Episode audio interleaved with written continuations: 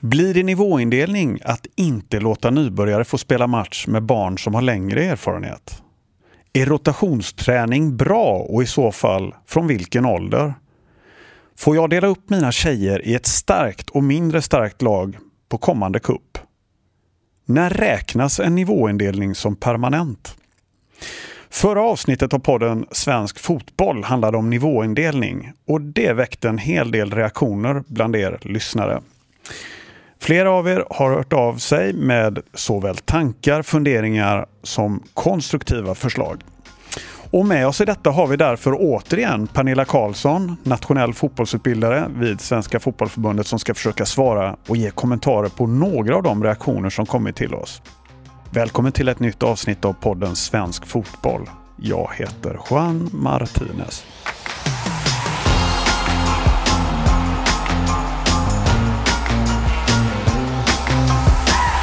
Ja du Pernilla Karlsson, det var inte länge sedan vi sågs men det här ämnet engagerar verkligen. Eh, är du förvånad? Nej, det är jag faktiskt inte. Det är på våra tränarutbildningar och som vi håller i också så har vi, det blir mycket frågor kring det här för jag tror att det är ett stort dilemma för väldigt många tränare. Så att eh, jag är inte förvånad över att det väcker känslor och engagemang. Här är en lyssnare som undrar lite kring ett nybörjarproblem. Hur ska vi ta hand om halvgamla barn, eh, inom citattecken, som inte har spelat fotboll eller ens idrottat? Ska jag vänta med att ta ut dessa till matchspel, vilket i så fall kan dröja?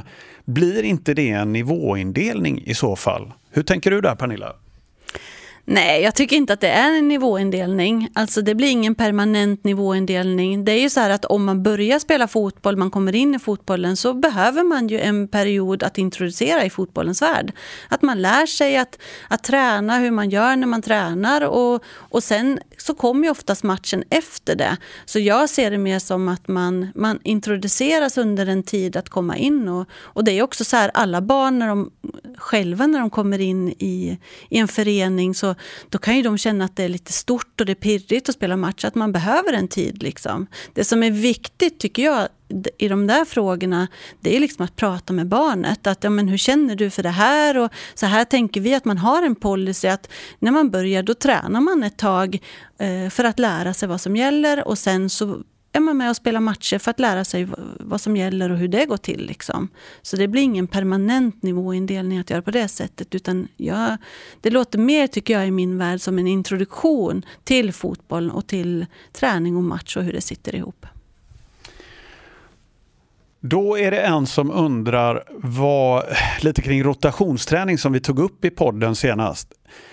Är det bra att låta duktiga barn få träna med äldre barn i så kallad rotationsträning? Hur ofta och i så fall från vilken ålder?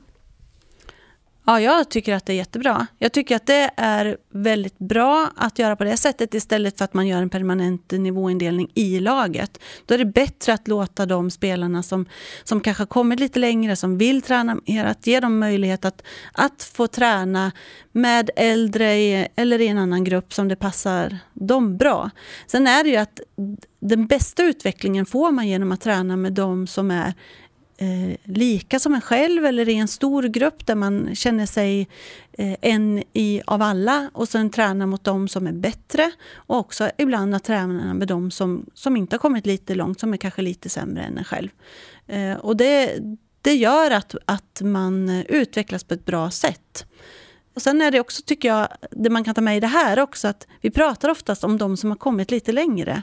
Jag tycker också att man bör tänka på att det kan vara en spelare som kanske inte har kommit så långt med sin fotboll men som ändå brinner för det här och verkligen vill spela fotboll. Den personen, den individen, ska också ha möjlighet att få träna extra om man vill det och att kunna hitta den miljön.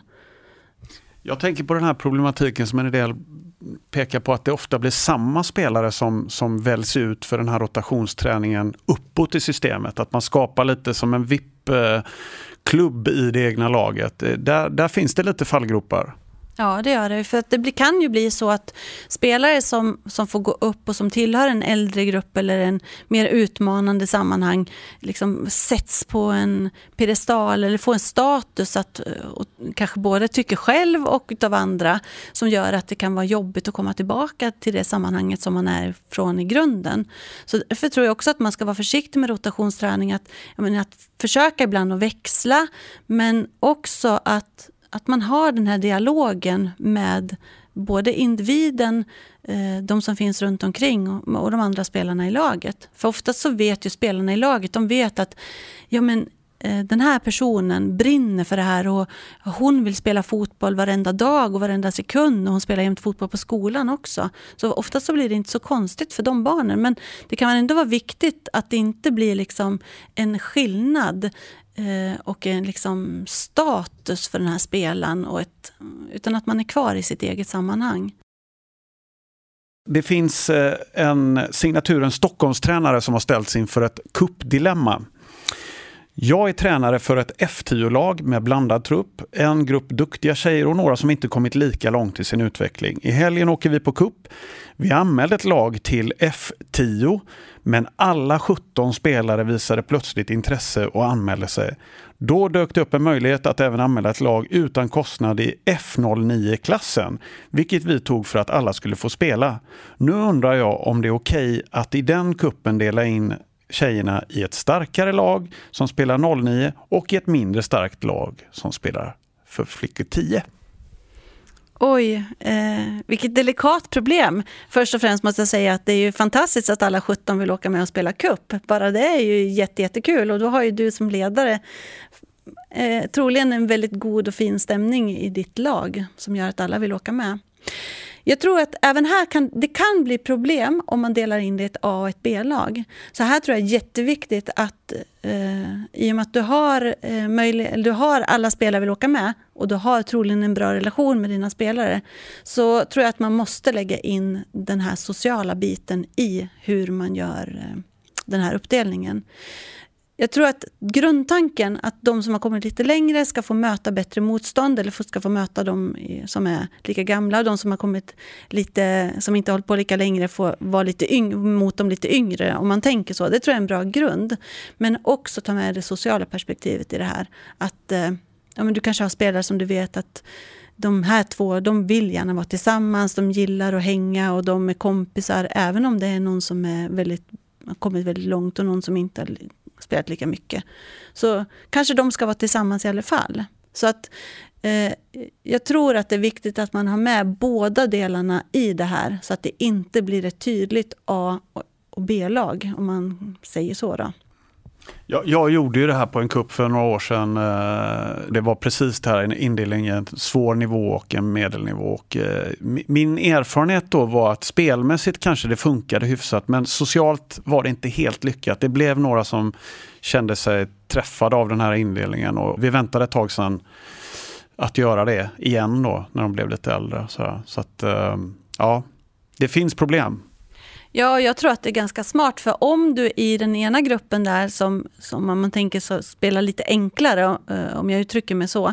Eh, om man där får med någon tjej som har kommit väldigt långt och som har bra status och att hon har sin kompis där och är med i det laget och spelar. Då kommer det göra att de som är i det laget, de kommer tycka att det är guld att, att vara i det laget. Så att eh, återigen, individer, sammanhang, socialt, fotboll. Alltså tänk långsiktigt eh, så får man nog det bästa resultatet.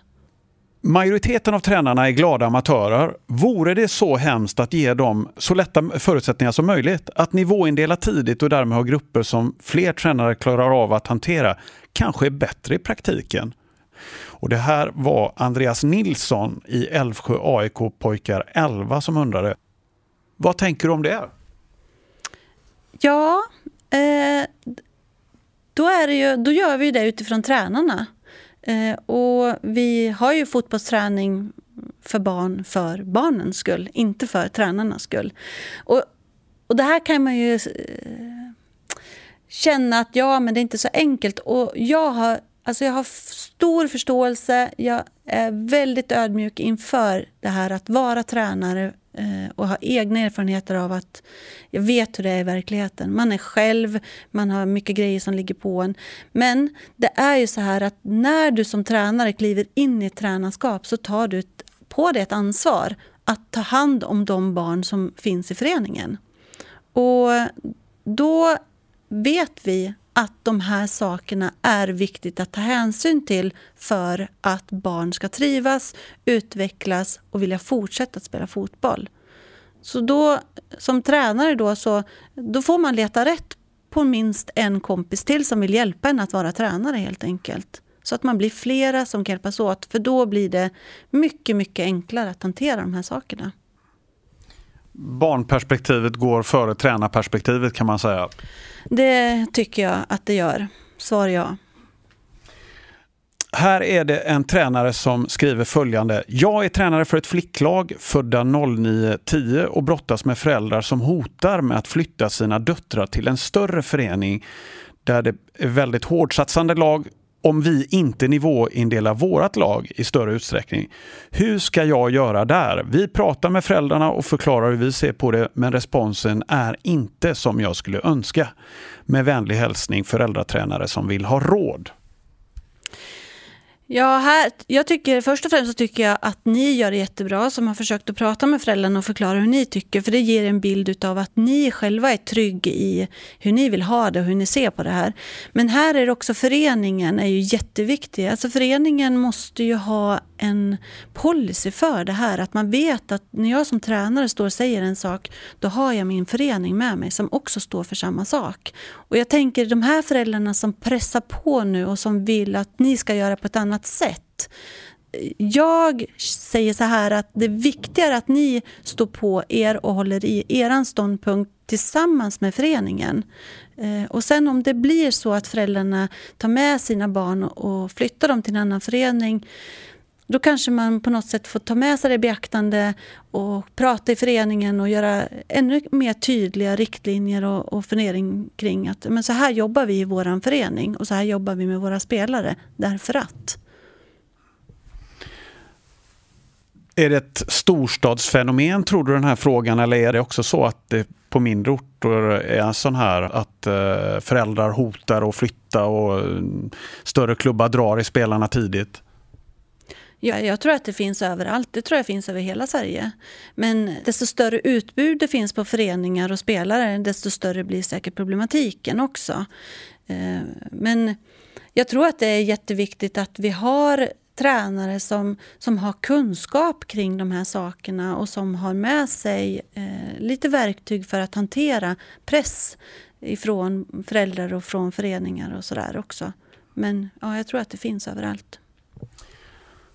Här är det en förälder som undrar kring eh, hur hon ska tänka om sonens rotationsträning. Min son är 12 år och har tränat mycket med två år äldre killar det senaste året. Han tycker att det är mycket roligare än att träna med sitt jämnåriga lag. Tycker ni att han ska byta till det äldre laget permanent? Jag är orolig för att han glider ifrån sina kompisar. Dessutom finns det läxor att göra.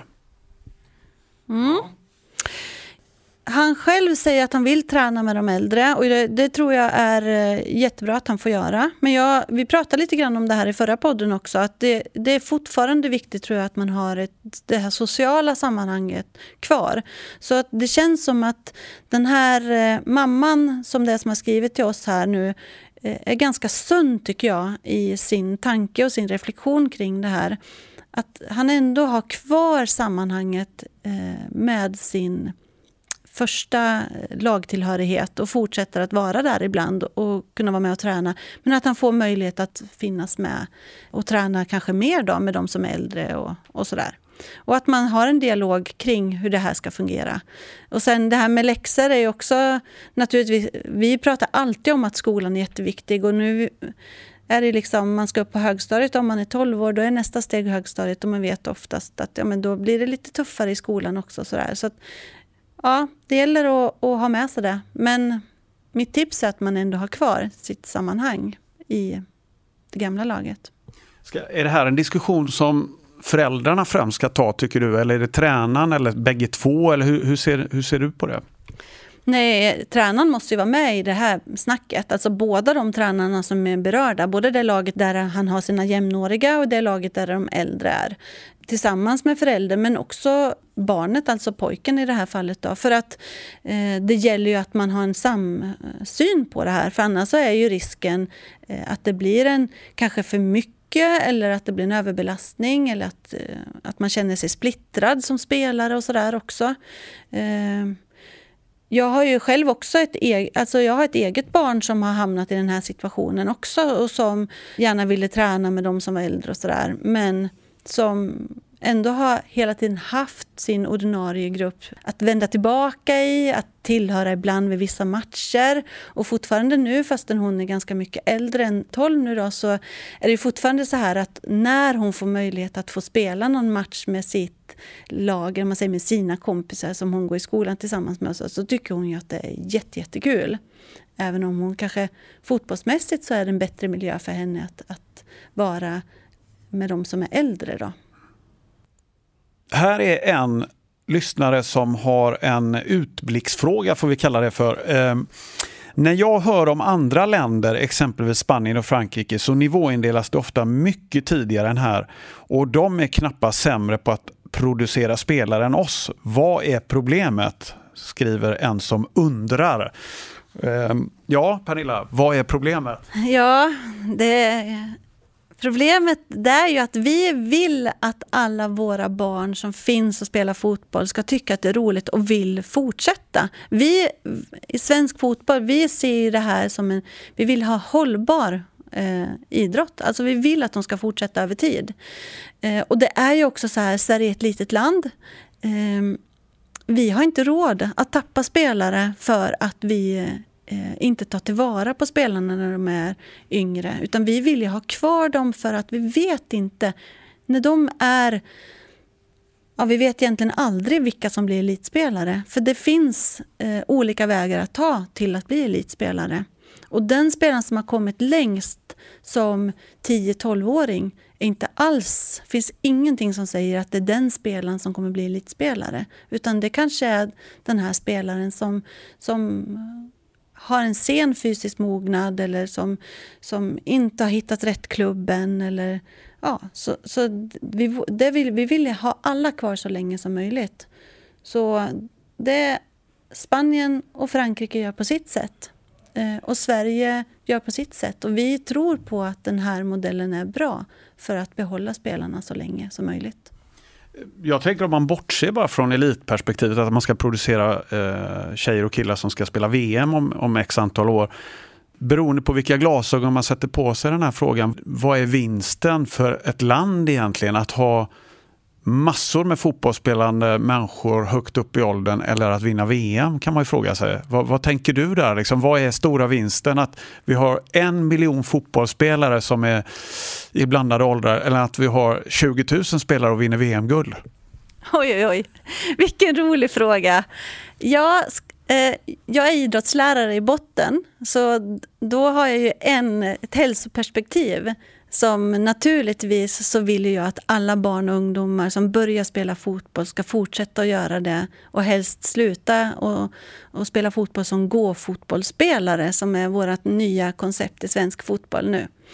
Men eh, vi vill ju också vinna VM. Det är ju fantastiskt att kunna producera eh, ett bra landslag och vinna VM såklart. Det, det vore ju helt magiskt.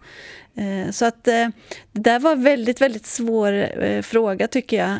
Så jag tror att det vinnande konceptet är att vi har en bredd utav spelare som gör att vi hittar de här guldkornen som blir elitspelare som vinner VM åt oss. Ja, det var ett diplomatiskt svar. ja. Du Pernilla, jag tänker bara på en sak här när vi diskuterar hela Eh, problematiken kring nivåindelning och eh, hur man ska förhålla sig till den. Att när du går ut och eh, pratar om den här utmaningen som tränarna har och rekommendationen att inte permanent nivåindela. Vad jag funderar på lite är det här om man idkar den här eh, permanenta nivåindelningen, att man delar in barn tidigt i, i olika grupper beroende på vilken utvecklingsnivå de är, befinner sig Finns det en risk att man också kanske lägger sig till med andra osunda beteenden. Jag tänker, kommer toppning till exempel in tidigare hos de här lagen där man nivåindelar tidigt? Finns det en risk med det att man inte riktigt ser att man gör, om man får uttrycka sig så, fler fel än att nivåindela permanent? Ja, eh, så kan det säkert vara. För jag tänker att om man nivåindelar permanent, varför gör man det för? Eh, då känns det som att då har man ju ett syfte med att man gör det som ligger i att man vill uppnå resultat. Och då finns det en fara mot att man också går mot toppning såklart. Det var ju som jag började säga att de här två begreppen de snuddar ju vid varandra hela tiden. Så det, det tror jag absolut att det är så. Som avslutning Pernilla, eh, om man vill fördjupa sig mer i ämnet, lära sig mer och kunna förhålla sig på ett eh, bottna i frågan kring nivåindelning, precis som många av de här frågeställarna har, att vad säger jag till föräldrar, vad, vilken policy ska vi ha i föreningen och så vidare. Vad, vad rekommenderar du? Men jag, som jag har nämnt förut så tränarutbildningen tycker jag är jätte, jättebra att gå. Det är en fantastiskt bra tränarutbildning som vi får om man eh, genomför SVFFs tränarutbildningar. Man får med sig saker både kring fotboll, ledarskap och psykologi och många, många bitar som man har nytta utav. Eh, och sen som jag också nämnde i förra podden, det här Spela, lek och lär som är ett fantastiskt bra dokument att kunna använda i fortbildning både utav tränare eh, men också föreningar eh, och föräldrar också.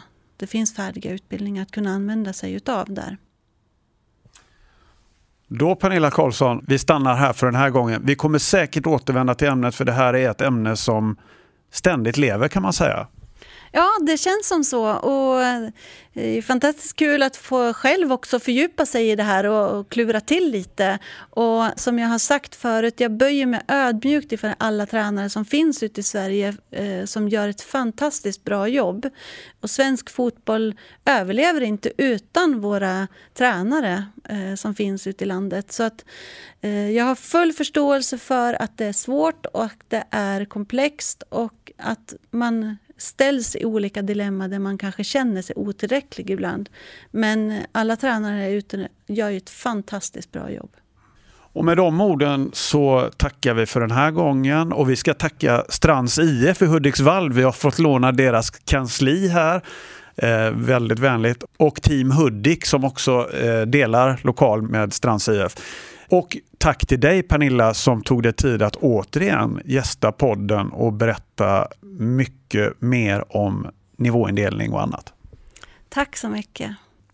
Du har lyssnat på podden Svensk Fotboll med Pernilla Karlsson, nationell fotbollsutbildare på Svenska Fotbollförbundet.